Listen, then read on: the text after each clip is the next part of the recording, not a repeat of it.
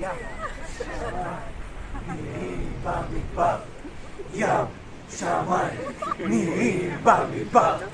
ים, שמיים, נירים במדבר.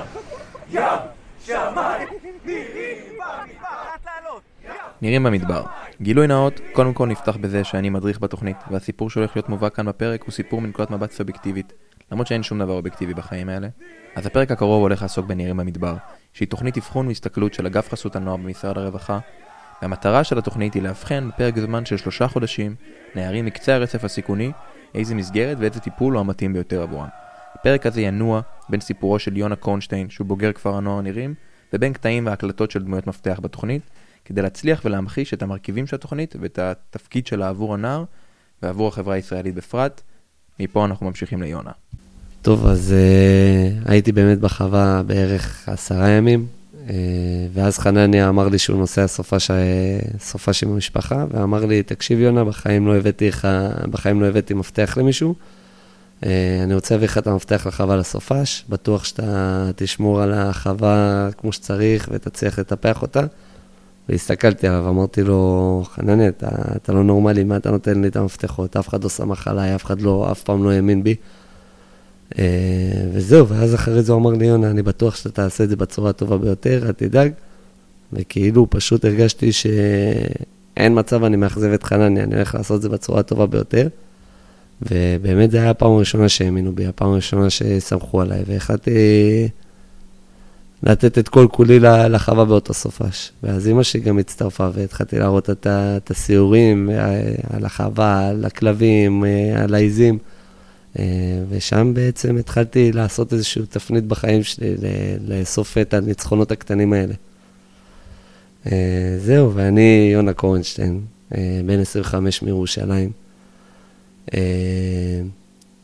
גדלתי, נולדתי בארצות הברית, עליתי לארץ בגיל חצי שנה. אה, וגרנו שנתיים בגבעת זאב, זה יישוב ליד אה, ירושלים. אחרי, בגיל שנתיים וחצי, אז עברנו באמת אה, לבית חורון. שם גדלתי רוב החיים שלי. בערך כשגדלתי, אז התחלתי לפתח באמת את הבעיות קשב וריכוז והיפראקטיביות, מה שהיום נקרא ADHD. אה, והייתה גננת בגן, לא ידעה באמת איך להסתדר איתי, הייתה גננת שמאוד אהבה אותי וגננת שמאוד לא הסתדרה איתי.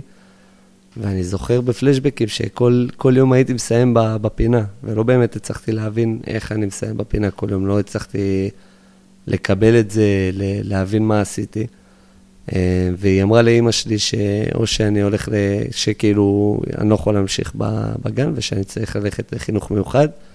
ההורים שלי עוד היו אמריקאים, אימא שלי אמריקאית, אבא שלי בריטי, הם לא מבינים באמת את העולם הזה של החינוך מיוחד. אה, ומאוד התעקשו על זה ונלחמו על זה. אה, ובשלב מסוים, אז הם הגיעו לאיזושהי פשרה, שבמקום שאני אלך לחינוך מיוחד, אני אתחיל לקחת ריטלין. ואז באמת בגיל חמש התחלתי לקחת ריטלין, משם התחלתי כבר לגדול לתוך העולם הזה. אה, זהו, ואז המשכתי, קצת גדלתי, בכיתה ב' הלכתי עם השכנה שלי לגן שעשועים, כמו כל שבת, לא איזה משהו חריג. אה, והיו שם עוד כמה ילדים בגילנו, בגילאי ב' עד אה, ד', אה, והחלטנו לשחק אמת החובה של ילדים, לרוץ למגלשה, זה סתם באמת משהו מאוד תמים. ואז הגיע התור שלי, ו... ואחד הילדים שם, שהיה שנתיים מעליי, בכיתה ד', אז הוא העלה את הנושא באמת של איזה משהו ש... שלא לא מבקשים אה, באקט המיני. אה, כמובן, אה, לא, לא הסכמנו לזה, אה, ולא לא קיבלתי את זה, לא, לא הבנתי כל כך מה לעשות, אה, ואז התחילו קצת איומים אה, אלימים. אה, ובאמת אה, הכריח אותי ל- לעשות איזשהו, אותי ואת השכנה לעשות איזשהו מעשה אה, שנסכם אותו אה, מהמקום הזה.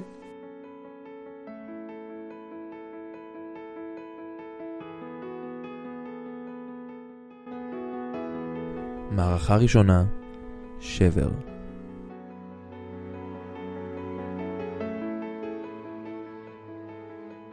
זהו, ואז אה, היה שם איזשהו שומר של היישוב, ראה אותנו, לא ראה את כל הסיטואציה, ראה רק מה, מה קרה ביני לבין השכנה, אה, והחליט אה, להציף את זה ביישוב. עד מהר מאוד כל היישוב כבר התחיל לדבר על זה. אני אמרתי להורים שלי, וההורים שלי מאוד ניסו לשמור עליי אז, כי אני, אני פחות הרגשתי את זה, אבל הם מאוד סיפרו על ה... אה, כמה שנים אחרי זה, הם מאוד סיפרו לי שהם ניסו לתאר את השם שלי ו... ולספר לאנשים שזה לא אני מהרצון החופשי שלי, אלא מישהו מעליי הכריח אותי ואיים עליי והתנהל באלימות מולי. אבל בגלל שאני באתי כביכול ממשפחה שגם אח שלי מוכר כילד אה, בעייתי וגם אני הייתי קצת ילד בעייתי, אז היה להם מאוד קל לקבל את זה שזה אשמתי. אה, והחליטו במקום להתעסק עם זה, לטאטא את זה מתחת לשטיח. אה, וזהו, ואז בעצם מאותו יום אז אה, אמרתי לעצמי, ואני מצוטט, יונה קורנשטיין לא פראייר יותר, אני זה שאקבע את החוקים, אני זה שאחליט איך יתנהלו הדברים, מה כן יקרה, מה לא יקרה, ואותי לא ישפילו יותר. ואז בעצם התחלתי את...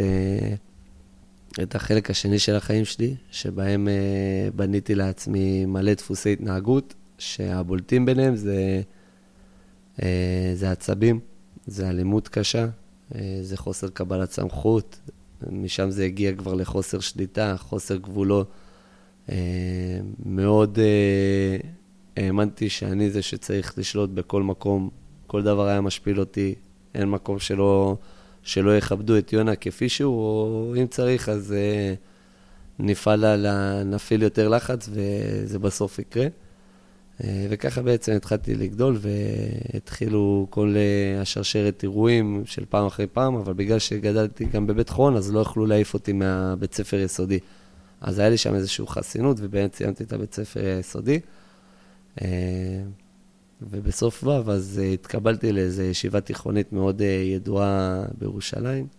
אימא שלי הייתה בעננים, אני זוכר שקיבלנו את המכתב בדואר, אז היא ממש uh, לקחה אותי ברחוב והתחילה לרקוד איתי ולקפץ, וראיתי את אימא שלי וכאילו הייתי עם צמרמורות. לא, לא זוכר מתי בפעם האחרונה, בחמש שנים האחרונות, ראיתי את אימא שלי מתנהלת ככה, מתרגשת, ואמרתי שכל מה שאני רוצה זה כרגע לתת לה באמת את הגאווה. אה, וזהו, ואז בעצם הלכתי לבית ספר הזה. מהר מאוד הבנתי, והם הבינו שזה לא המקום בשבילי. אה, כבר הייתי כמה צעדים קדימה, כבר אה, בשלב הזה הייתי בן 13, יצאתי כבר מהדת, חזרתי בשאלה. וכל מה שרציתי זה למרוד, כל מה שרציתי זה להיות חזק יותר ומשוגע יותר ואלים יותר, ו... כי זה מה שעניין אותי, זה מה שהביא לי את הכבוד וזה מה שבעצם היו המגננות שלי. גרמו לי ככה לא להיפגע, ואין, ואין מקום אה, לרגש אה, ש, שלא רצוי. אה, ואז משם אה, בעצם התחלתי איזושהי מסכת של אה, מעבר בין מסגרות. עברתי לבית ספר חדש, ויום אחרי הבר מצווה שלי, שזה היה באזור אותו שבוע ש, שעברתי, אז באמת נעצרתי גם בפעם הראשונה על ונדליזם ביישוב, השחטתי כלי רכב. ואז שם גם נכנסתי בעצם לתוך העולם הפלילי. לא הכרתי את זה עד אז. ידעתי שזה מתישהו יגיע, אבל לא, לא ציפיתי לזה, זה היה איזשהו שוק. אבל, אה, וגם שם, כשהייתי בתוך התחנה, אז מאוד פחדתי מהמעמד, לא, מאוד הפחידו אותי החוקרים והשוטרים, ו... והם עשו את העבודה שלהם, ואני בפנים אה, בוער בעצמי, ממקום אחד זה ממקום של פחד, והמקום השני זה, יאללה, מתי אני פותח את התיק הבא שלי. אה, ומאוד נהניתי מהאדרנלין הזה. אה, וזהו, ואז בעצם, כמו שאמרתי, התחלתי את המסכת, כאילו עברתי ממסגרת למסגרת, הגעתי לכיתה ט', זאת הייתה המסגרת השלישית שלי, כבר למדתי בבית ספר בירושלים שמתמחה בבעיות קשב וריכוז, אה, ושם ההורים שלי התגרשו, אחרי שלושה חודשים של כיתה ט' באזור חנוכה. אני לקחתי את זה מאוד, למקום מאוד קשה, האחים שלי כבר לא היו בבית, זה היה רק אני מולם שצריך להתמודד עם זה ממש. אה, זהו, ואז ההורים שלי התגרשו. אה, לקחתי את זה למקום מאוד קשה. בהתחלה ברחתי מהבית, לא ידעתי איך להתמודד עם זה. היה לי מאוד קשה גם לבכות, להביע רגש. הבעתי רגש בעצבים, בזה שאני הולך ל... לא יודע, להשחית ציוד, לריב עם מבוגרים, לעשות, ליצור הרס. זה, זה מה שידעתי, זה מה שאהבתי, וזה גם היה, זאת הייתה הדרך התמודדות שלי. אה, ואז החלטתי שאני צריך דרך התמודדות נוספת, אה, ובעצם התחלתי לשתות. עזבתי את הכדורגל, הייתי משחק כדורגל בבית"ר ירושלים, עזבתי, התחלתי מאוד... אה, לחפ... חיפשתי מאוד איך לברוח, חיפשתי... איך להשתחרר בדרך, בצורה הטובה ביותר, והרגשתי שהאלימות לא נותן לי את הבמה בצורה מספקת מספיק. אה, ובאמת בפעם הראשונה שתיתי חצי בקבוק, ומהר מאוד זה עבר לבקבוק, והייתי שותה על בסיס יומי, ו... וכל מה שחיפשתי זה שגם אם אני עומד, אה, אם אני זוכר משהו מאותו יום, אז כנראה לא, לא שתיתי מספיק, וככה בעצם פיתחתי גם את בעיית השתייה. אה, ומשם, מהר מאוד, אז חזרתי סופש אחרי שההורים שלי התגרשו, אה, חזרתי לבית ספר, והמנהל של הפנימייה, של, של אותו בית ספר, סליחה, אז הוא פסיכולוג מאוד ידוע בעולם, שגם כתב ספר על הורים גרושים, ו, והוא מאוד התעסק בעולם הזה. וכשחזרתי, אז המשפט הראשון והיחיד שהוא אמר לי לילד בן 15 זה, תקשיב, יונה, זה שההורים שלך התגרשו לא אומר שיש לך עכשיו תירוצים אה, לעשות בעיות. כנס לכיתה. ואני כאילו התפרקתי, אמרתי, איך זה הגיוני שמישהו אומר דבר כזה? לילד בן 15, לא משנה אם הוא פסיכולוג, לא משנה אם הוא מנהל, בטח אם הוא כל הדברים האלה, אבל לא משנה מול מי, מי אתה, אתה כאילו, איך אתה אומר את זה? ואני לקחתי את זה למקום מאוד קשה. אה, גם שם, קודם כל ההתנהגות שלי, הדפוסים מאוד אה, הידרדרו, אבל אה, גם מהר מאוד מצאתי את עצמי מחוץ לבית ספר הזה גם, ומשם התחלתי לעבור לפנימיות. התחלתי בפנימייה על אותו קונספט של אותו בית ספר, בקדומים. הייתי שם תקופה מאוד קצרה, ואז אחרי זה חזרתי לכיתה י', סיימתי שם את ט', חזרתי לי', וכשחזרתי לי' אז חזרתי עם הגיל בגבה, ואימא שלי לא ידעה להגיד, הסתרתי את זה עם פלסטר, והגעתי באיחור ב- ליום הראשון של הלימודים בכיתה י', ואימא שלי נכנסה איתי לכיתה כדי להסביר למחנך, וליד אימא שלי המחנך אה, ביקש ממני להוריד את הפלסטר. אז אמרתי לו, תקשיב, אה, המורה, אני לא זוכר אה, את השם, אני, יש לי כאילו חתך בגבה, אני לא מוריד את הפלסטר. אז הוא אומר לי, תוריד את הפלסטר. עכשיו, אמא שלי לא יודעת, גם שיקרתי לאמא שלי, אז... ואמא שלי גם התחילה לגבות אותי, הוא החליט ש... שבעצם הוא לא מוותר על זה, והורדתי את ה, באמת את הפלסטר, אמא שלי ראתה גיל בגבה, אה, והתחילה לבכות, כאילו נשבר לה הלב ממש, שהכרתי לה, שככה הלבנתי את פניה מול כולם, שהיא כאילו שומרת עליי ומנסה לגבות אותי גם על כל מה שאמרתי לך אז, ש... שבסוף היא ניסתה מאוד לשמור עליי במשך השנים, אבל היא לא עשתה את זה לידי. היא לא עשתה את זה ב...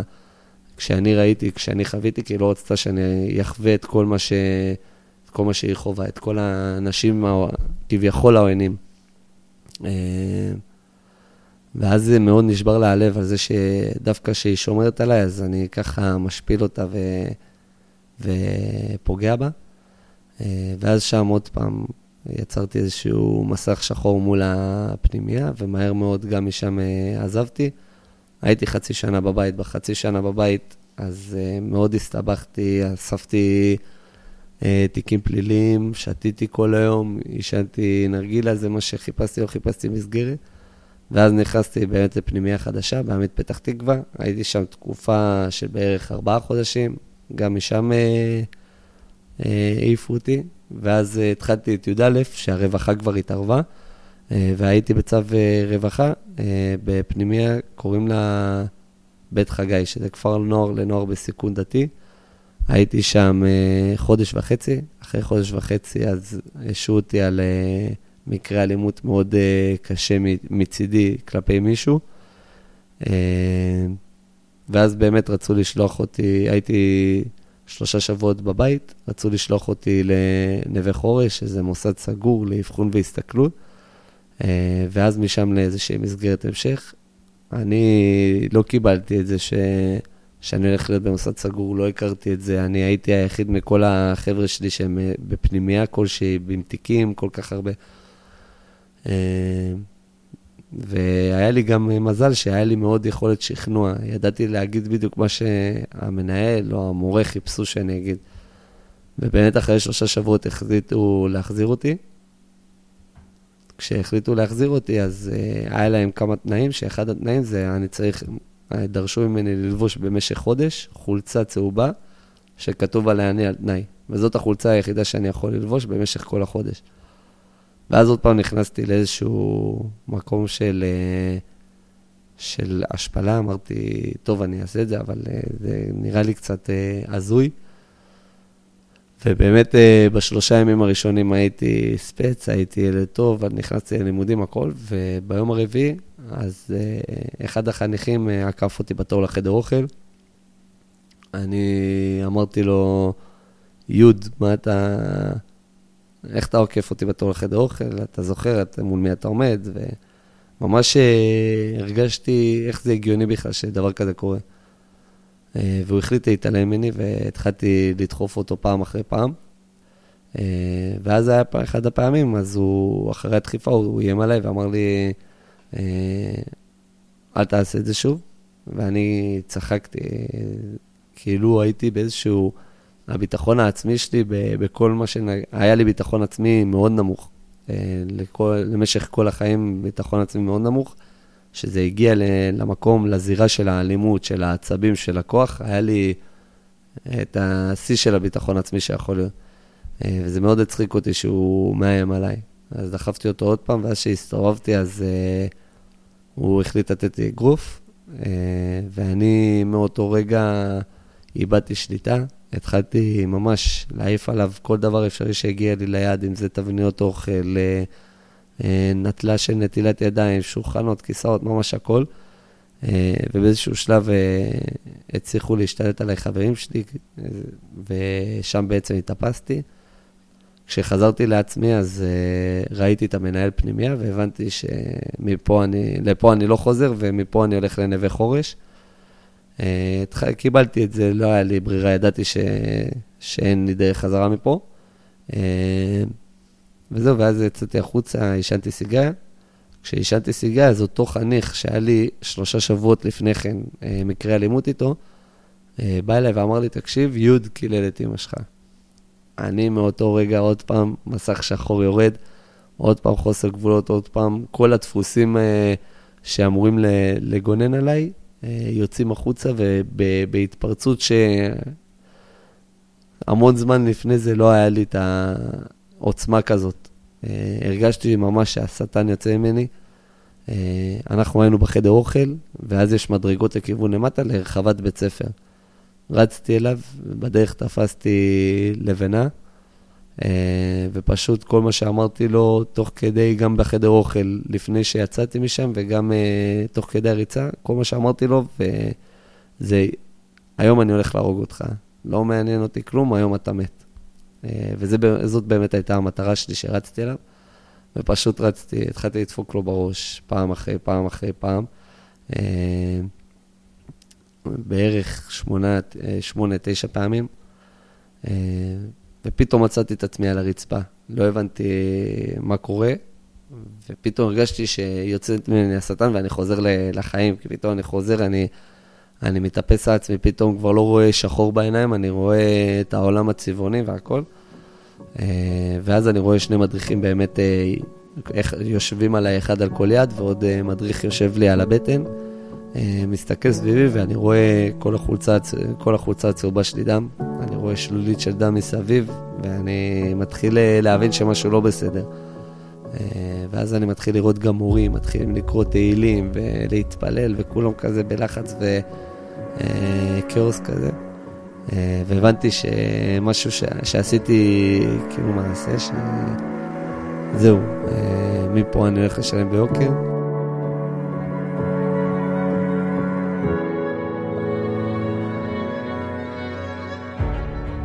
באמת אה, משם אה, עצרו אותי, הסתובבתי בין, אה, בהתחלה הייתי בחקירה, בבית מעצר שם, בתחנת משטרה, אחרי זה מגרש הרוסים, אחרי זה העבירו אותי לאופק. כשהגעתי לאופק, אז הייתי גם, בהתחלה האשימו אותי על ניסיון לרצח, ומהר מאוד, אז הצליחו להוריד לי את. את האישום מניסיון לרצח לתקיפה ואיומים בצלמות מחמירות עם נשק קר וחבלה. וזהו, ואז באמת הייתי, כשהייתי באופק, אז הייתי בתקופה של פגרה של בית משפט. אז כל פעם היה שופט תורן אחר, שזה נראה לי היה גם די המזל שלי, כי כל פעם ראה אותי שופט אחר בעיניים שונות, בצורה שונה, עם חשיבה שונה, וזה מה שנתן לי באמת את ההזדמנות אה, אולי אה, לצאת מזה בזול, או לצאת מאופק, ולא ידעתי לאיזה כיוון זה ילך. אה, ובאמת אחרי תקופה, ש... תקופה של כמעט חודש שהייתי בכל הסיפור הזה, אז היה שופט שראה את ההורים שלי וראה באמת את הטוב שלהם, את הטוב שלהם, את הטוב שבהם, את האכפתיות, את, כמה, את זה שהם יכולים לשים לי גבולות, שהם רוצים לשים לי גבולות, אה, והחליט אה, לשחרר אותי הביתה. הייתי, והוא אמר שאני יכול לצאת הביתה רק אם אני מוצא מוסד שיקומי. ובאמת הייתי בבית, במעצר בית במשך חודשיים וחצי. לאחר מכן עברתי לאירוח במדבר, שזה מוסד סגור אה, בעצם חלופת מעצר, במקום כלא אתה הולך לשם, לאבחון והסתכלות על אותו קונספט של, אה, של נווה חורש, אה, ומשם לאיזושהי מסגרת המשך. נירים במדבר ממש עדיין בחיתוליה, ונבנית וקורמת עור וגידים יום-יום, ועל כן בוגרים עדיין אין לה תוכנית. אבל יונה הוא נער שיכול מאוד להיות שאם כל הסיפור שלו היה מתרחש בזמננו אנו, אז הוא היה הולך לנירים במדבר, ולא לרוח במדבר. והאמת היא שרק עכשיו אני שם לב שהשמות דומים. ובנקודה הזו של הסיפור שלו, כשהוא נמצא בשיא של הכעס וההידרדרות, אני חושב שאפשר להקביל אותו לנערים שמגיעים לנירים במדבר. הנה ניר פיין, ראש הצוות של התוכנית, מספר על מי הם אותם נערים שמגיעים לתוכנית. שבעצם אה, בית המשפט אה, נתן להם, אה, נתן הנחיה לקחת אותם ו... ואני רגע אתחיל רגע צעד אחד אחורה, זה נערים שבעצם בתוך הדרך שלהם במסלול חיים, הם, אה, הם איבדו שליטה על החיים שלהם אה, בצורה כזאת שהם הפסיקו, לצורך העניין, אה, להגיע למסגרות הנורמטיביות, אם זה בית ספר מבית ספר יסודי או חטיבת ביניים, בין אם זה מסגרות חוץ-ביתיות בכל מיני תוכניות עילה או דברים אחרים שנמצאים, כן, במרחב, במרחב הציבורי, בחינוך הבלתי פורמלי, ומתוך איזה שהם אה, נסיבות חיים הגיעו למצב שהם אה, הגיעו למצב של פשיעה או לאיזושהי פגיעה עצמית שהרשויות מסביב אה, ראו ואמרו, אוקיי, את הנער הזה, צריך, צריך לקרות שם משהו בשביל לעזור לעלות על דרך, על דרך נכונה. חלקם מגיע, אה, מגיע אה, מכלא אופק, חלקם ממסגרות נעולות, חלקם אה, מהבית, מתוך איזושהי התפוררות מאוד גדולה. לכולם יש מחנה משותף מאוד גדול. אחד לרובם יש תיקים במש... במשטרה סביב בין אם זה אלימות, בין אם זה גנבות, בין אם זה סמים. ובית המשפט בעצם קבע עבורם, אתם צריכים עכשיו ללכת למקום שרגע לברר מה איתכם, מה הכיוון שלכם, לארגן אתכם ולראות איך ממשיכים הלאה, מתוך איזושהי התבוננות.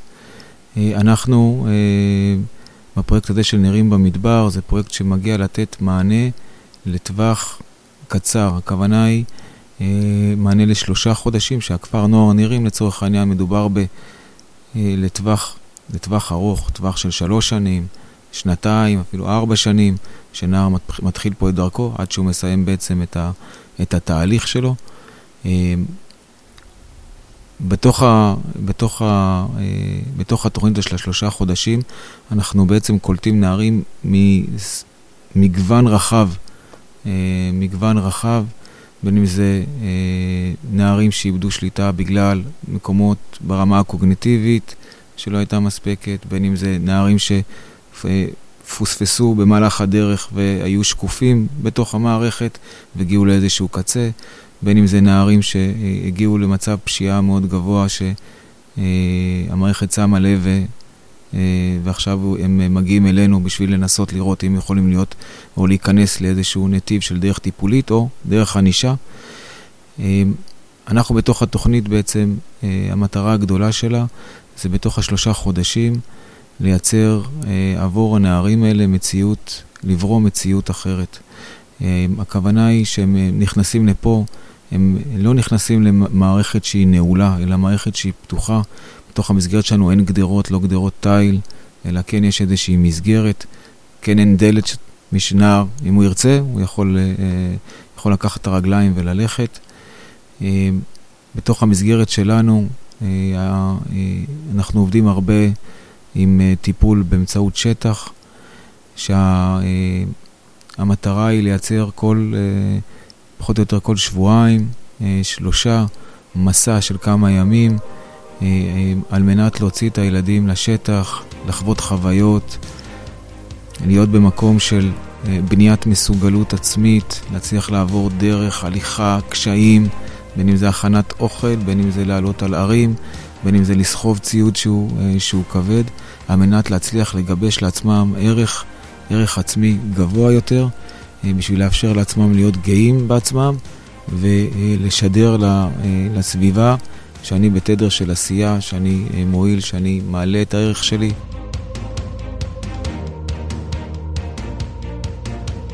הגעתי לשם בהתחלה, מאוד קשוח, מאוד... היה לי משמעת שלא לא קיבלתי אף פעם, ואחרי שלושה שבועות אז כמעט החזירו אותי לבית משפט אחרי שאיימתי על מדריכה. לא רצו, ל, לא רצו לשלוח אותי גם לחתונה של אחי בהתחלה, ואחרי זה החליטו עם מלווה, ובסוף החליטו לשחרר אותי רק לחתונה, אבל שאני אחזור לפני השבת חתן. זהו, ואז החלטתי שאני צריך להתאפס על עצמי, הבנתי שאני לא יכול להמשיך בדרך הזאת. החלטתי לעשות איזשהו שינוי, ושאני רוצה להגיע לנירים. שמעתי על נירים מהקצין מבחן, לא יודע למה זה תפס אותי, קצת שטח, קצת שייטת, מאוד קנה אותי. ואז באמת הייתי שם חודשיים, עליתי ממש בשלבים ובתפקוד שלי, והצלחתי להגיע לנירים.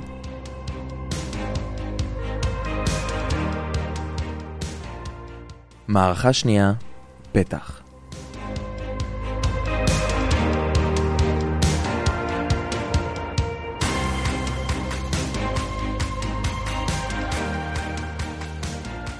כשהגעתי לנירים, אז עוד פעם, מהר מאוד, אחרי שלושה שבועות, מאוד מהר חזרתי לדפוסים שהיו לי, לדפוסי עבר. ועוד פעם, גם שם הייתי צריך להוכיח שיונה קורנשטיין הוא כאילו הכי חזק והוא הכי משוגע, ולא משנה איפה הוא יהיה, באיזה מסגרת, עם, ה... עם הנוער בסיכון הכי קיצוני שיהיה, יונה יהיה הכי קיצוני. זהו, ואז שם גם התחלתי להיות מלך הקומבינות בנירים, והתחלתי לשתות ולהשתמש ולה... באלימות נגד חניכים, ו... וליצור שם איזשהו כוח, שגם במחשבה שלי אני אומר, טוב, אני אסיים את נירים, ירצה את בית משפט, ואז אני, החלום שלי הוא, הוא לפתוח ארגון פשע. ממש, כאילו, כבר תכננתי איך אני אעשה את זה, והיו לי את האמצעים ואת היכולת, וזה מה שעניין אותי. ובאמת, אז כשהגעתי נראים, הגעתי בי"א, הורידו אותי לכיתה י', כדי שאני אעשה תהליך של שנתיים וחצי. והתחלתי לרוץ את התהליך. השנה וחצי הראשונות היו מאוד קשות, מאוד אינטנסיביות. אני זוכר גם כל פעם שהייתי נכנס לשטח, הייתי באיזשהו, זה היה מביא אותי, ל... הייתי מאוד טוב בשטח ומאוד אהבתי את השטח, אבל כשהייתי מתעצבן, אז הייתי מתעצבן הארדקור, ואם הייתי עושה, מתנהל באלימות, אז זה היה באלימות הארדקור. ומאוד בחוסר שליטה קיצונית יותר ממה שהיא בשגרת יום-יום. והיה נראה מאוד קשה להצליח לתת לי את הכלים שאני, שאני צריך כדי לעשות את השינוי. כל, כל תהליך או כל בידוד או כל אוהל או מסע פרטני, לא, לא קיבלתי אותם, לא קיבלתי את העזרה, לא רציתי את העזרה, לא, לא רציתי לשנות את החזות החיצונית ולא רציתי ובעזרת החזות החיצונית לא רציתי גם לשנות את הפנימית. זה מה שהגן עליי כל החיים וזה מה שהכרתי. יונה נכנס לכפר, ומהר מאוד הוא מגיע ומתחיל להתמודד למול הזירה המשמעותית והעיקרית של הכפר, שטח. והנה עדי, האיש שטח היקר והשקרן שלנו. סתם, הוא לא שקרן, אבל זו בדיחה של הנערים, שכל פעם שהם שואלים אותו כמה קילומטרים נשארו עד לסוף המסלול, הוא מנפיץ של הישמור. למה שטח? אה, יש הרבה דרכים לעשות טיפול, או לייצר העצמה, או מסוגלות, או משמעות. אפשר לעשות את זה עם כלבים, באומנות, אה, אפשר לעשות את זה עם ספרים, ואפשר לעשות את זה כתיאטרון, אבל אה, בנירים, ואני גדלתי לתוך זה, זאת אומרת, אני באתי נקי מניסיון בתחום הזה לעבודה. אבל בנירים השטח הוא בעצם הזירה ש, שבעצם שמגייסת כוחות. בעצם איזשהו תיווך של מיומנויות חיים שנער צריך, כל נער צריך, אה, בשביל לצאת החוצה. זאת אומרת, אנחנו מייצרים איזושהי זירה שאפשר להסתכל עליה אפילו כאילו דמיונית, ומפגישים נער עם כל מיני דברים שהוא צריך להתקל בהם בחיים, וכלים בעצם שהוא צריך לרכוש, איך אני מתמודד עם תסכול. איך אני מתגבר על הרגש, איך אני פונה לגבול ולסמכות, אה, איך אני מפתח אמונה, כל ההזדמנויות שלנו בשטח, אה, בעצם להציג לו אה, חושך. עד, כאילו, האם אני אלך בחושך? אה, כן, תלך בחושך, לא יקרה כלום. למה לא מדליקים פנס בחושך? כי לא צריך. רואים מספיק טוב. אין סיכוי שאני אעלה את ההר הזה, למה לא? כי אני, אין סיכוי, כי אני עתיק כבד, ואני אף פעם לא הלכתי, וכואבות לי הרגליים. ולמה אני צריך את זה, אבל עולים. אה, ובסוף למעלה, גם אם יש, אה, גם בהתחלה, אפילו בשלבים מאוד מאוד מוקדמים, תמיד אה, כיבוש של פסגה. זה, זה יש שם פידבק מיידי להצלחה ולסיפוק ו, ולהרגשה של, של כוח, וזה מאוד מיידי. זאת אומרת, נער, יותר מאיתנו, מהסגל, נער מקבל פידבק מאוד מאוד מיידי לכל דבר שקורה בשטח. אה, ופה בעצם אה, זה הופך את זה לזירה קלה. זירה קלה בעצם כמראה, כמראה להתנהגות, זה הופך להיות זירה קלה. אה, שמספיק שלא קמתי בבוקר, כי התפנקתי בשק שינה ונהיה עשר בבוקר, שעה אחרי שאני אתחיל ללכת ויהיה לי חם, אז אני אוכל להבין שאם הייתי קם בשש ויוצא בשש וחצי, אז הייתי בצל עכשיו, או הייתי עכשיו באיזה גב, או הייתי יכול לשבת במקום שלא חם בו ו... ולאכול ארוחת בוקר, ולא עכשיו ללכת עוד שעה כדי להגיע לצל. אמ, אז, אז זה מה שאנחנו אומרים תמיד, שהשטח מספק אה, בעצם תוצאות מיידיות להתנהגות שלנו, ובסופו של דבר אנחנו מטפלים בהתנהגות. אה, ו, וה, והשטח כזירה אה, טיפולית, התנהגותית, הוא, אי אפשר, אי אפשר להתווכח בכלל עם, עם, עם ההצלחה של, ה, של הזימון של האירועים שלומדים מהם. עכשיו, בתוך זה מה החניך עושה, זה כבר משהו אחר. אה, אני תמיד רואה את זה בתור אה, זריקת חכות. כשאני מתכנן מסע והולך במסע, אני מפזר מלא מלא חכות בכל מיני מקומות, כל חכה כזאת בכל פיתיון, זה הזדמנות להצלחה. אה, ומספיק שאני מפזר 30 חכות, מספיק שנער ייתפס על חכה או שתיים, מבחינתי זה הצלחה אה, בעבודה ובמסע, אה, ובעצם מתאפשרת אה, חוויית הצלחה, שככל שהוא ימשיך יותר מסעות, הם יקרו יותר ויותר ויותר, וככל שהחוויות הצלחה מתעצמות, גם מבחינה כמותית וגם מבחינת הקושי שלהם, אה, פה בעצם אנחנו מתחילים לייצר שינוי. שינוי באיזשהו נרטיב של נער, אה, שהוא בא איתו לנירים. אה, וזהו, ואז בעצם אחרי שנה וחצי היינו בגדנ"ע בצלמון, אם אני לא טועה, אה, ואף פעם, תמיד נראים שם, אז זה כאילו בין השלב של י"א לי"ב, שאתה כבר נכנס לשלב של, חול, אה, של חונכות בכפר ומנהיגות. אה, ופעם ראשונה שהעיפו את נירים מהגנה הזאת בגלל איזושהי קטטה שהובלנו, הצוות שלי, מול ערבים נוצרים.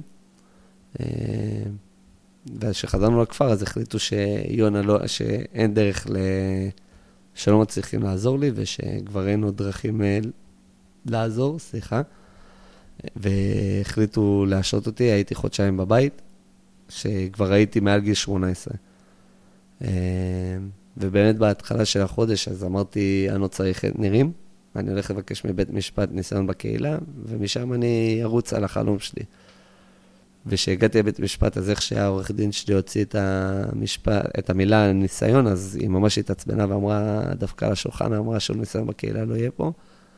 ואז הבנתי שאני צריך להחליט או נירים או כלא, פשוט אה, להחליט ולרוץ עם זה. אה, והחלטתי שאני רוצה ללכת לנירים, אבל כאילו אמרתי, אני אסיים את נירים, עדיין אלך על החלום, לא רציתי את השינוי, פשוט רציתי שיעזבו אותי לבית משפט. אה, זהו, ואז העברתי חודש שלם שלא שתיתי, באמת אה, שמרתי על עצמי, אמרתי, אני, אני אעשה מה שנירים רוצים כדי שאני אחזור. ואחרי חודשיים שהייתי בבית, אז באמת קבעו לי ועדה שאני אמור לחזור לוועדת סיום, ששם בעצם מחליטים אם אני נגרע מהרשימות או לא. אה, ויומיים לפני הוועדה, אז עוד פעם איכשהו הגעתי למצב שאני נעצר אה, במודיעין, עוד פעם על אה, תקיפה ואיומים בנסיבות מחמירות, רק ששם הייתי כבר בגיר. ואז סיפור אחר לגמרי, פרוצדורה אחרת לגמרי, אתה מעל 18, כבר אין מישהו ש... שיכול לשמור עליך, בית משפט רואה את זה שונה. ויומיים אחרי זה, שחזרתי נרים, אז התחלתי לספר להם. ובפעם הראשונה, אז בוועדה, אז התחלתי לקחת אחריות על דברים שבחיים לא לקחתי, והתחלתי לספר הכל. באמת, אה, כל מה שהיה על ליבי, כל מה שקשור לשתייה, לאלימות, להסתרות, סמים, אה, ממש שפכתי הכל. אה, והמנהל פנימי הבועז, אז הוא ממש ראה את הזיק, זיק של תקווה, והחליט שבפעם האחרונה ניתן, ניתן ליונה הזדמנות. החליטו לשלוח אותי לחווה. אה, זהו, את החווה בעצם אה, התחלתי במסע לחווה. הייתי אמור להיות שם אה, לפחות שלושה חודשים. הייתי שם בסוף, חוד שהייתי בחווה, אז בא אליי חנניה עם אותו סיפור מההתחלה, והחליט לעזור לי לשנות את, ה... לשנות את האמונה בעצמי. מערכה שלישית, עיניים טובות. אה, ובעצם מהפעם הראשונה שהיה לי את האמונה בעצמי, אז היה לי את האמונה שאני יכול לבצע דברים אחרת, שאני לא צריך את האלימות ואת כל המגננות ואת כל הדפוסים שאספתי במהלך החיים, כדי להפוך את יונה למישהו. אה, ואז משם התחילו באמת רצף של הצלחות קטנות. הייתי רושם כל יום במחברת, אה, איפה הייתי, ואת המחברת, את הסיכום יום, הייתי מסיים באיפה הייתי אחרי ואיפה לא, לא הייתי אחרי. אה, ואז זה הפך לכל יום אני רושם מה השל, השלושת הניצחונות הקט, הקטנים שלי של אותו יום. אה, ואז בעצם התחלתי באמת את השינוי. עשיתי שם שינוי מקצה לקצה, שכל יום עבדתי מהבוקר עד הערב. מ-5 בבוקר אתה קם, הולך, רואה את, את העיזים בחווה, ואז משם עובר לה, להשתלות של עציצים, ותיקוני גדרות, וחיתוך אה, גזעים, ופשוט אה, מסיים בשבע בערב, שאתה שפוך, וכל מה שבא לך זה להכין אוכל, ולהמשיך לעבוד באוהל ולתקן דברים, ולא אכפת לך מהעייפות, וזה הפך לאיזושהי שגרה, כל העניין של העבודה באדמה, כל העניין של השטח, של ה... של מסעות בנירים ושל אה, להיות רגע עם עצמך, ו... אה, או להיות כקבוצה ולהגיע לאיזשהו קצה יכולת, שאתה שובר את הקצה יכולת הזאת כל פעם מחדש, הביא אותי ממש לאיזשהו ביטחון עצמי ומוטיבציה אינסופית של רצון להשתנות ו... ולעשות את התהליך שנראים מציעים. ובאמת אחרי חודשיים וחצי חזרתי ברגל אה, לנירים, עשיתי, האריכו לי קצת את המסלול, אז יצא שעשיתי 120 קילומטר. אה, הם תכננו חמישה ימים, אני הייתי כולי נעול וברבק לחזור כבר לקבוצה שלי, אז אה, יצא שעשיתי את זה ביומיים וחצי. משם הייתי באוהל שבועיים, ששם אני בעצם אמור לחשוב איך אני חוזר לקבוצה ואיך אני חוזר לצוות ואיך אני מיישם את כל את כל הכלים שקיבלתי מנירים ואת כל הסל ערכים שהם מציעים, אה, ובעצם מביא את זה לידי ביטוי בשינוי ש, שאני רוצה לעשות, או בתהליך שכבר עשיתי וצריך להמשיך. אה, ואז נאספנו, אחרי שסיימתי את האוהל של השבועיים, אז נאספנו המורים וכל הסגל שנראים, המדריכים, מחנכת, ראש צוות, אה, ושאלו אותי מה, מה השאיפות שלי מפה. אה, ואמרתי להם, אני רוצה שנת שירות ובגרות מלאה. אז המחנכת הסתכלה עליי ואמרה לי, תקשיב יונה, אתה יודע שאנחנו מאמינים בך, לא סתם אתה פה, אבל uh, מלהיות בלי יחידות בגרות עד בגרות מלאה זה בחצי שנה זה, זה לא משהו שהוא סביר. אמרתי, לא מעניין אותי, אני רוצה תעודת בגרות. ואז גם היה את ניר, שהוא אמר לי, תקשיב יונה, בוא, הרגע חזרת מהחווה, בוא נחשוב על השנת שירות, אין לאן למהר. אמרתי לא, ניר, אני הולך לעשות שנת שירות.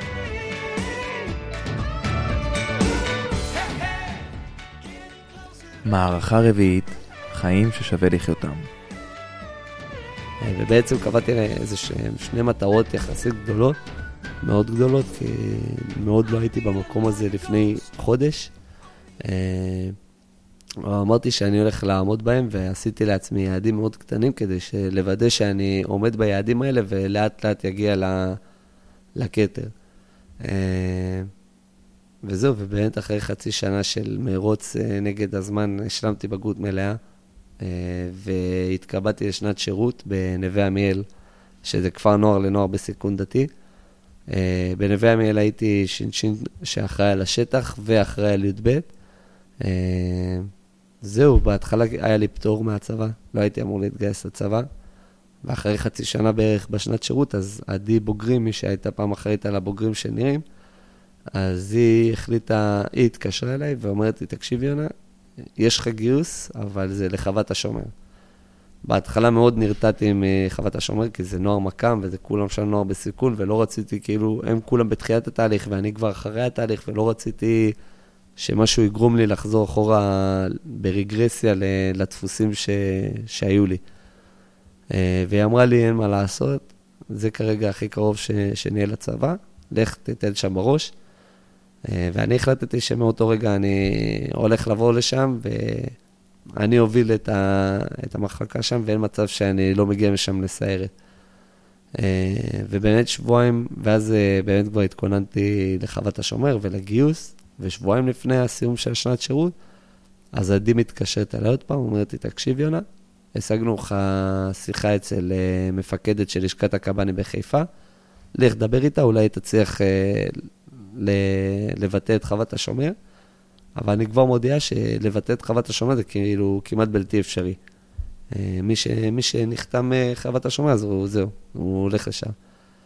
ואז באמת הלכתי ל, לראיון, אה, והתחלתי לדבר עם המפקדת של לשכת קב"נים, אמרתי לה, תקשיבי, אני יודע שהתהליך שלי קצר, ואני יודע שעברתי המון, עד לא מזמן היה לי תיק גם על תקיפה, ומעל גיל 18, אה, אבל אני עשיתי, התחלתי להסביר לה את כל מה שעשיתי מאז השנה וחצי האלה, שסיימתי תעודת בגרות, ואחרי זה שנת שירות, ושסיימתי את השנת שירות בהצלחה, אה, ושכל השאיפה שלי זה בעצם עכשיו להתגייס לשייטת 13. והקשיי הסתגלות שלי, הכעס בעצם היה לי, היה לי 50, ש-50 זה אומר חוות השומר, ובשביל שאני אלך ליום סיירות, לשייטת, אז uh, צריך אפס. והיא לא הסכימה להוריד לי את זה עד הסוף, באמירה שהתהליך שלי קצר מדי ושאי אפשר להסתמך על זה, אבל uh, הסכימה בסופו של דבר להוריד זה מ-50 ל-20, שזה אומר שאני יכול להתגייס ישירות כקרבי. Uh, אני יצאתי משם באסירות תודה שלא משנה מה, אני בכל, בכל זאת uh, נותנים לי הזדמנות להתגייס גם לקרבי, שזה גם איזושהי אמירה. אה, והייתי אמור להתגייס בנובמבר. יום לפני הגיוס של, אה, יום לפני הגיוס של יולי, אה, הודיעו לי שאני מתגייס בסוף לנובמבר. התקשרתי לעדי, אמרתי לעדי, אין מצב, אני מחכה עכשיו שלושה חודשים בבית, אני יוצא להתגייס מחר. ואז בעצם, אחרי, היא אמרה לי, תבדוק, אחרי חצי שעה היא אומרת לי, יונה, מחר בשמונה בבוקר בתל השומר. אני כאילו הייתי באיזשהו, בעננים, באקסטזה כזאת של... אני לא מאמין, הכל הולך לי חלק, הכל הולך לי טוב, בדיוק כמו כאילו החלומות שמתחילים להתגשם.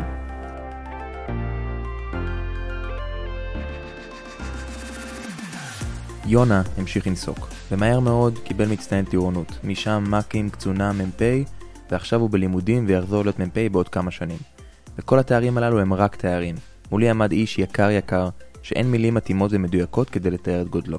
ביקשתי מיונה שיתאר את זווית הראייה של הנער, איך הוא רואה וחווה את העולם.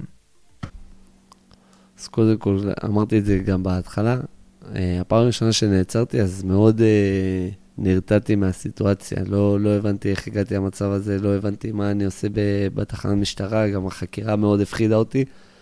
אה, ומצד שני, מאוד היה, היה איזשהו קונפליקט, כי מצד שני מאוד אה, אהבתי את המעמד, ואהבתי את זה שאני הולך לחזור הביתה ולספר לחברים שנעצרתי, ו, ושכאילו אני חלק מהעולם הזה.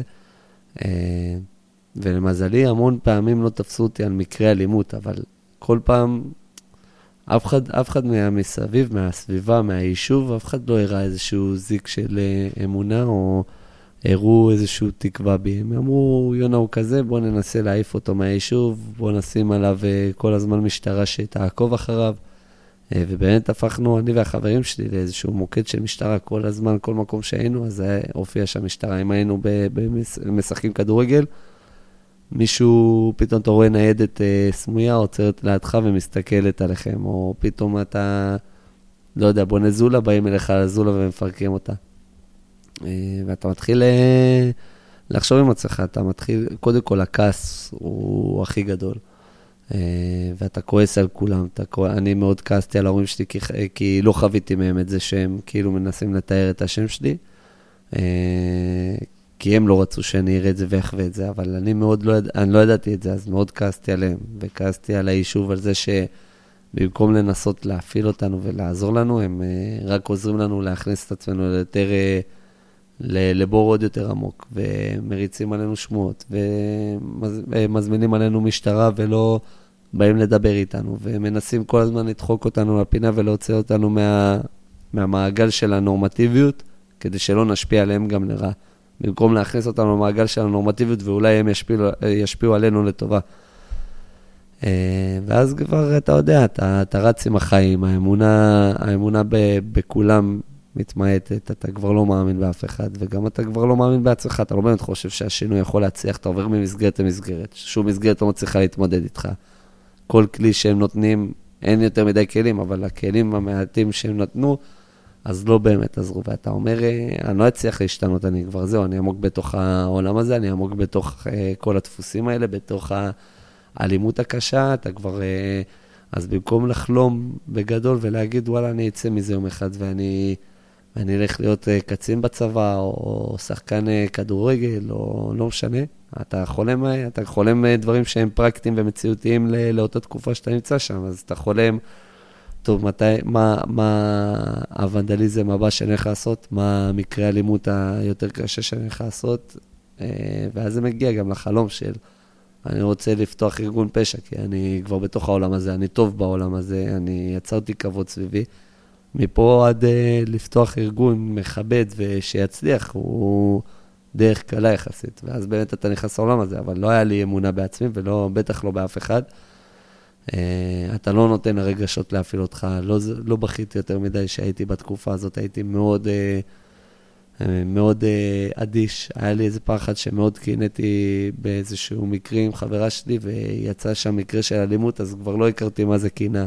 כי דחקתי את הרגש של הקנאה, הבנתי שזה, שזה מפעיל אצלי רגש של עצבים, ואמרתי, בשביל מה אני צריך את הרגש הזה? בשביל מה צריך את, את הקנאה? אה, וזה פשוט השפיע לי בכל דבר, בכל מקום, ב, אה, בכל דרך שבחרתי בה, בכל מסגרת שהייתי בה, בכל אה, מקום שביליתי. היה משהו שהפעיל אצלי טריגר, ואני הבנתי שאין לי מה להפסיד. אז זאת הייתה הזווית ראייה ש, שלי כ, כנער, וכנער בנירים, או נירים במדבר, או, או נירים בערים, אני חושב שהרבה פעמים מהבע... מהבלגן שהם יוצרים, והרבה פעמים מה... מהכאוס, זה כי משהו בהם, משהו זז שם אה, בגוף, הם, הם מקבלים דברים ש... הם מקבלים אמירות ועונשים או תוצאות או לא משנה מה, שהם לא היו רגילים לפני, אם זה בגבולות, אם זה באמונה שהם פתאום מקבלים, אם זה באהבה שהם לא קיבלו מהבית או מהסביבה, זה כל מיני התנהלויות שחדשות להם, מזעזעים את הנער וגורמים לעוד יותר אה, לשבור, את ה, לשבור את השגרה ולשבור את, ה, את הסביבה ולנסות לגרום לאנשים האלה, חלאס, תפסיקו, אל ת, תאמינו בי, אל תאהבו אותי, אל תסמכו עליי, אני, כאילו, ככה אני גדלתי כל החיים, אין סיכוי שאתם יכולים, אתם לא יודעים מול, מול מי אתם מתמודדים.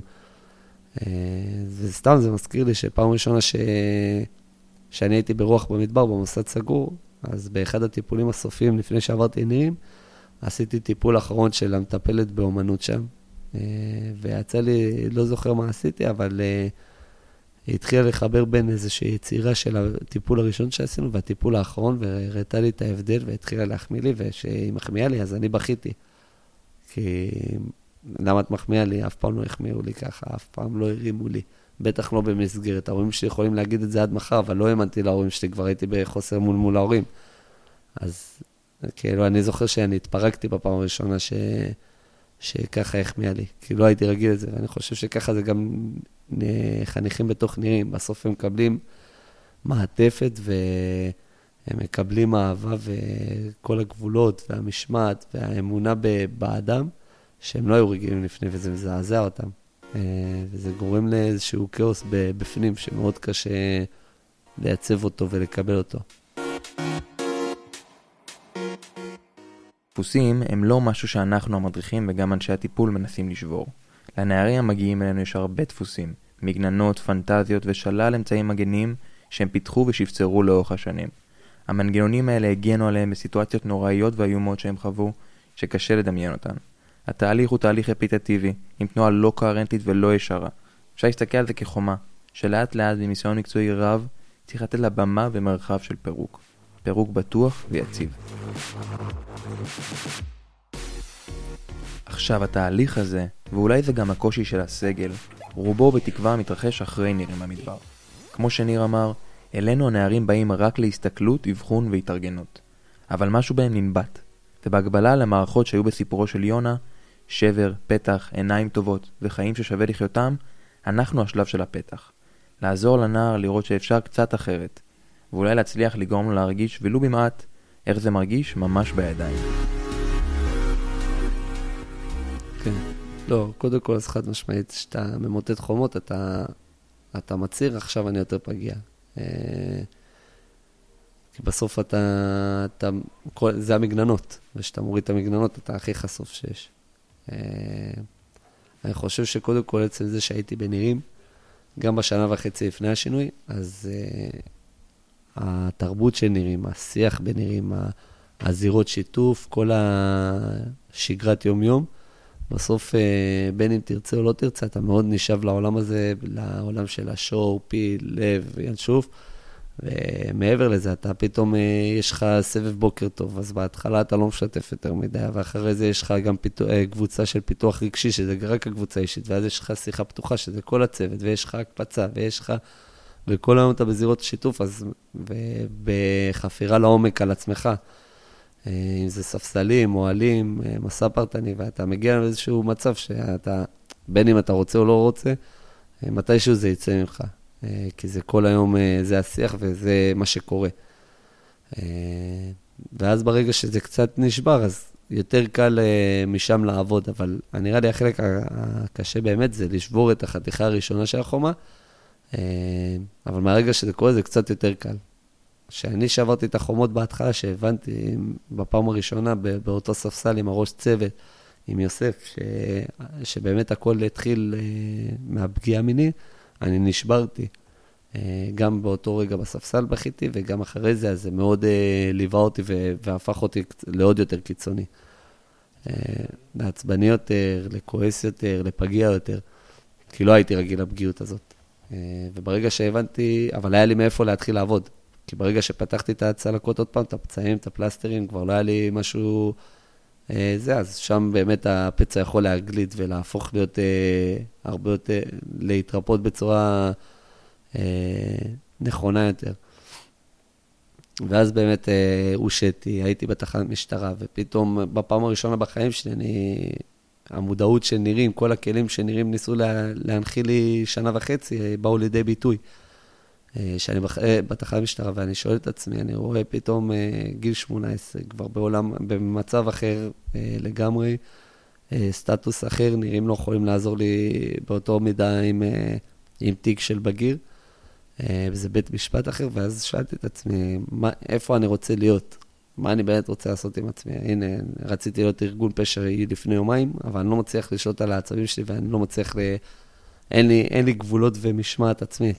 אז אני שואל, אז שואל, איפה, איפה אני רוצה להיות? אני רוצה להיות נרדף, ורוד, אה, נרדף אחרי משטרה ואנשים ורודף אחרי אנשים כל היום, או שאני רוצה להיות אה, ספורטאי מצטיין או קצין בסיירת. אה, ואז שם בעצם החלטתי שאני שם את עצמי בידיים שנראים, בעיניים עצומות, למה שהם יגידו אני אעשה. אה, ואז באמת הפעם הראשונה שהתחלתי להיחשף זה שסיפרתי את כל הקומבינות, את כל ההסתרות באותה ועדה. אה, זה המשיך לחווה, שפתאום חנני, המנהל חווה, מביא לי את המפתחות לסופש, ואז אתה, גם פעם ראשונה שאתה מאמין בעצמך, כי מישהו מאמין בך. אה, ואז משם אתה אוסף כל מיני הצלחות קטנות, אותו הצלחות קטנות על, רגע, אני לא התעצבנתי היום, אז אותן הצלחות קטנות על להוריד עוד מסכה ועוד מגננה ועוד... אה, וזה המון בעזרת שיח, המון בעזרת אה, העמקה עצמית של לכתוב בסיכום יום ולהגיד איפה הייתי אחראי ואיפה לא, או בסבבים שמדברים שם. ואני חושב שזה תהליך, אתה לא יכול ביום אחד להוריד את המסכות, אבל... אותו שבר של, אה, של החומה הראשונה, אה, פתח לי עולם שלם של איך אה, לפתוח את שאר המגלונות, אבל לא להישבר מהם. אז הפעם הראשונה נשברתי, בפעם. באותו חווה שהתחלתי להוריד את המגלונות בזה אחר, אחר זה, אז כבר אתה מרגיש גם הייתי מאוד מוכן לקבל את הכלים שנראים, אז ידעתי איך הצלחתי להוריד את המגלנות, ובאותו זמן לקבל כלים כדי לא להישבר מזה, אלא להתעצם מזה. נמרוד, שביום יום הוא איש יער על גבול ניאנדרטל, היה מדריך אצלנו השנה. תפקיד המדריך בעיניי הוא אחד התפקידים הכי חשובים בפירמידה הזו. בנערים במדבר, או בעצם בכל מסגרת כזו, זה תפקיד ש... שנמצא בחיכוך הכי גבוה עם הנערים. זה יכול להיות חיכוך מאוד חיובי ומחבק ומחייך, ומן הסתם זה גם חיכוך שהוא לפעמים כואב ומעצבן ומתסכל, וסקאלה מאוד אה, רחבה של רגשות. אה, לא, לא פשוט להיות ככה, ואני גם עכשיו בדיוק מהפרספקטיבה הזו של לחזור אה, להיות בתפקיד המדריך, מרגיש את זה עוד יותר, מרגיש את הצורך בהתכווננות אשכרה לכל משמרת, אשכרה כל יום לבוא ולבוא מוכן, לבוא מוכן לזה שאתה הולך כל הזמן לראות את עצמך במראה, אפשר לומר. כל הזמן אה, אה, נוגעים לך בנקודות הרגישות וחושפים אותך איפה שרגיש, באמת, ללכת באיזה אה, תחושה חשופה כזו. ואז לדעת לאט לאט לשלוט בזה, לדעת מה אתה חושף ומה לא, ולדעת מה מפעיל אותך יותר ומה פחות, ולדעת מה שלך ומה של הנער שעומד מולך והוא מנסה להשליך עליך. אמ, אז זה תפקיד שבבסיס שלו, קודם כל, הוא דורש סבלנות וערנות ו... יכולת הסתכלות ולמידה, הכל ברמות הכי, באמת הכי גבוהות שיש. ואני חושב שבאותה נשימה, או אולי מכך נובע, שזה גם תפקיד פשוט עם רגעים יפהפיים. כלומר, כמו שה... כמו שזה הכי חושף לקושי, זה גם בסוף, זה, אתה, אתה מצליח לפגוש את הנער. במקומות הכי נקיים, ובאמת במפגשים הכי קטנים של לשבת רגע ו... לא יודע, לעשות כל דבר, זה עם כל נער משהו אחר, זה לשחק שש בש, זה לדבר שטויות, זה ללכת לסיבוב בים, זה כאילו, זה, זה פשוט הכל, זה, זה מאפשר הכל. ו... לא יודע, אני פשוט בהערכה גדולה, הערכה גדולה ל... למי שעושה את זה, וגם, לא יודע, וגם למה שזה. כזה, כאילו, אני מסתכל על, על כל המערכות האלה ורואה את העניין בלתכנן קדימה ובלחשוב בגדול על תוכניות טיפוליות ועל רעיונות חדשניים, והיום אני, הראש שלי כל הזמן בחינוך אחר, באיך מוציאים את, ה, את כל המפגש האנושי הזה החוצה כמה שיותר, ופחות בתוך קירות, לא יודע, מיליון דברים, כל אחד ומה שהוא חושב.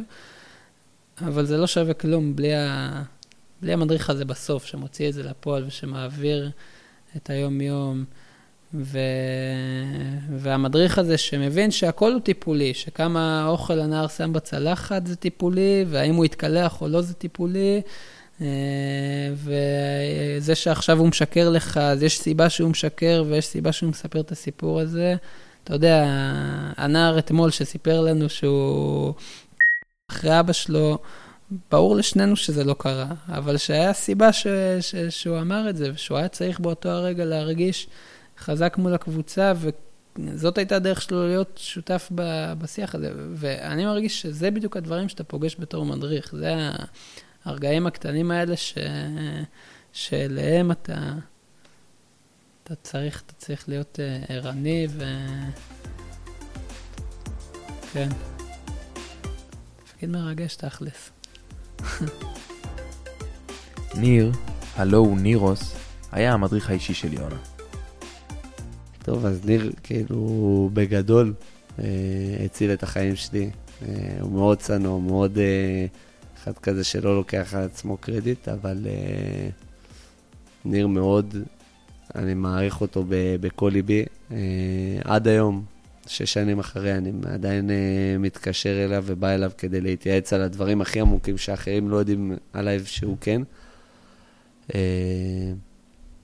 זהו, אני אהיה אסיר תודה לו תמיד. בכללי לכפר ולעמותת נירים, אבל בעיקר לניר, כי כש-99% מהכפר אמרו באותו ועדה שהם לא רוצים שאני אחזור, והם פתחו את זה מולי ואמרו שכאילו אנשים לא רוצים ש...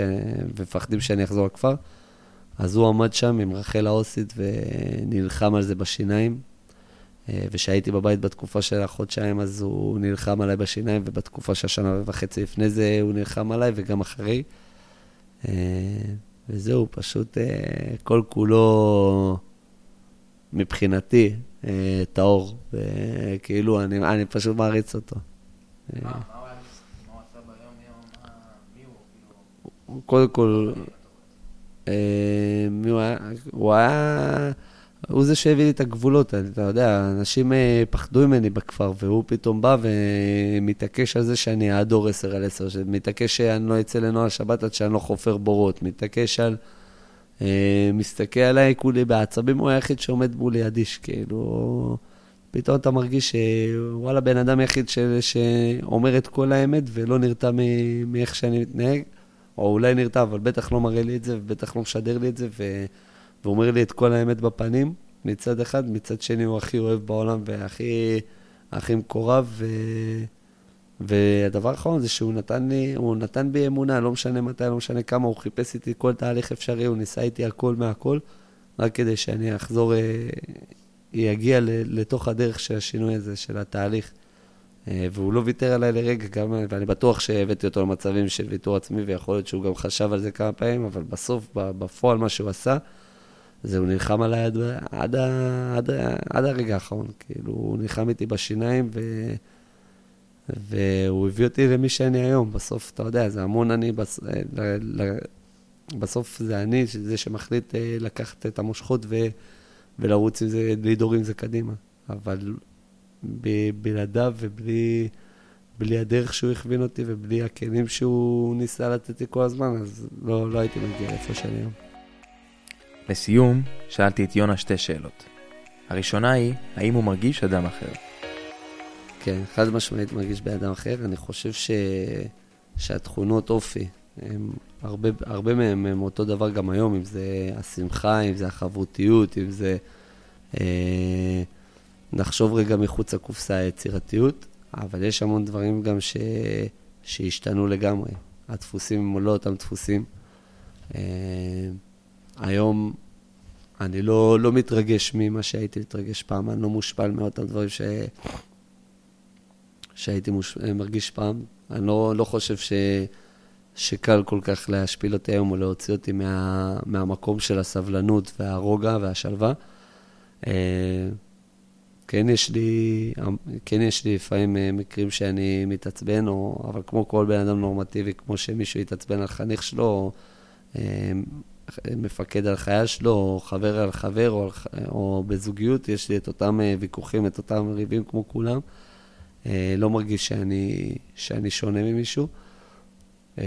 ואם אני מרגיש שהגזם, קודם כל אני מאוד קשה עם עצמי, אני מאוד ביקורתי ומאוד... מכניס את עצמי, להרבה הרבה פעמים אני מכניס את עצמי לחשבון נפש עם עצמי, של אה, אותו מקרה, איפה הייתי יותר טוב, איפה פחות, מה, איפה טעיתי, באיזשהו, באיזה שלב בא, באירוע, ואיך אני לוקח את האירוע הזה למקום טוב יותר ו, וקם ממנו. אה, ואני רואה, ואני תופס את עצמי הרבה פעמים, אה, הרבה פעמים עושה את זה, הרבה פעמים מנסה לשפר את עצמי. אני חושב שהדברים שמחזיקים אותי היום זה א', האינסטינקטים שלי, הם נבנו, הם נבנים והם נבנו אה, אחרת לגמרי ממה שהאינסטינקטים שלי היו פעם. אם פעם האינסטינקט שלי היה אה, להרביץ, לאיים, לקלל או לאבד שליטה, היום זה קודם כל הפחד, אה, גם החזיק אותי בתחילת התהליך, זה מרגיש כמו מכור נקי מסמים, אני מרגיש אותו דבר על אלימות ועל העולם ה... העולם העברייני. אה, מרגיש שהפחד מאוד, מאוד מחזיק אותי מלא לחזור אחורה לשם, אבל אה, גם הפחד הוא, הוא מבוסס עם בסיס חזק של אה, אינסטינקטים אחרים והתמודדויות שונות לרגשות שונים. שיתוף,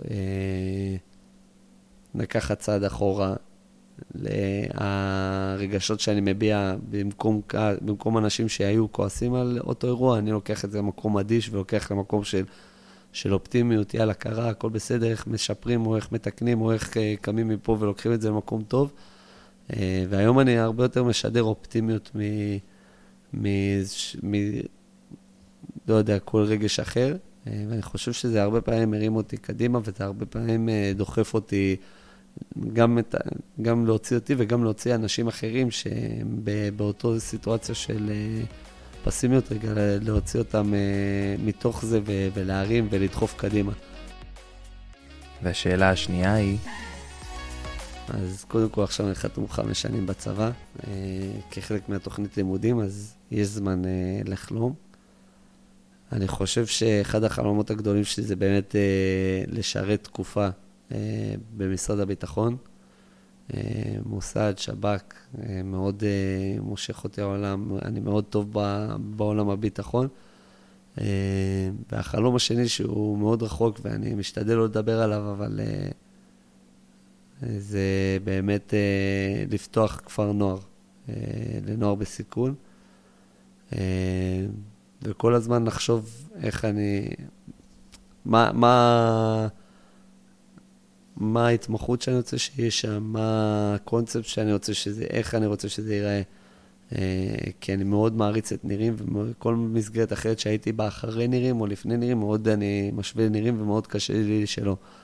אז אני מנסה, אני, בתור אחד שחולם על, ה, על הקמת uh, כפר נוער, לא, לא לקחת את כל מה שיש נירים, כי אי אפשר לעשות העתק הדבק. אה, לנסות ללמוד עכשיו מכל מיני מסגרות, גם מהצבא, גם מנירים, גם מפנימיות קודמות, ולהבין איך אה, לעשות את זה בצורה הטובה ביותר.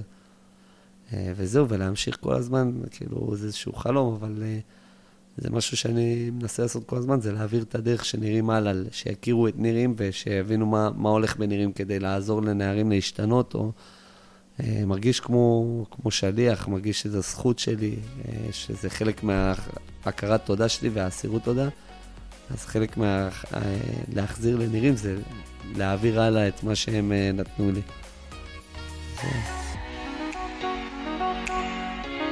יאללה ביי.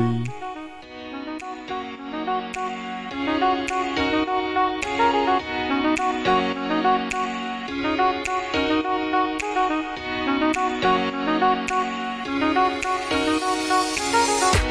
you.